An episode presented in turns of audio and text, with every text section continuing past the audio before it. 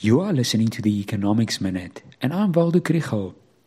The minute is back, and the question is how is the economy doing? The shocks that analysts have been talking about are now starting to become visible in the data. Economic activity is slowing down, prices are rising, and central banks are facing a difficult interest rate decision. Yesterday, ABSA and the Bureau of Economic Research's Purchasing Managers Index for April was released, and it declined sharply to 50.7 points.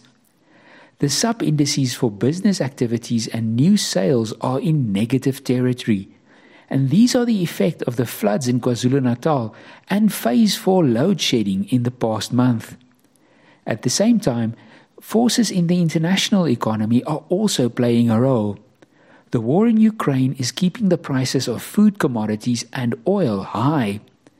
Producer price inflation in South Africa stood at 11.9% in March.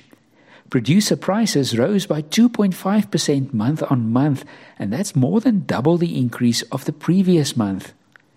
The COVID 19 lockdowns in China has caused commodity prices to weaken slightly, thus contributing to the weakening of the rand dollar exchange rate.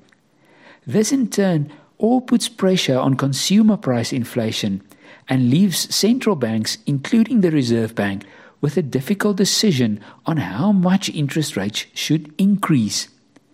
Today, the US Federal Reserve makes it its decision, and it looks like they're going to take a hawkish stand and may raise interest rates by 50 basis points. This will put further pressure on the Rand until the Reserve Bank can follow on 19 May and also increase the repo rate. But none of this is good news for the consumer or for business in the short term.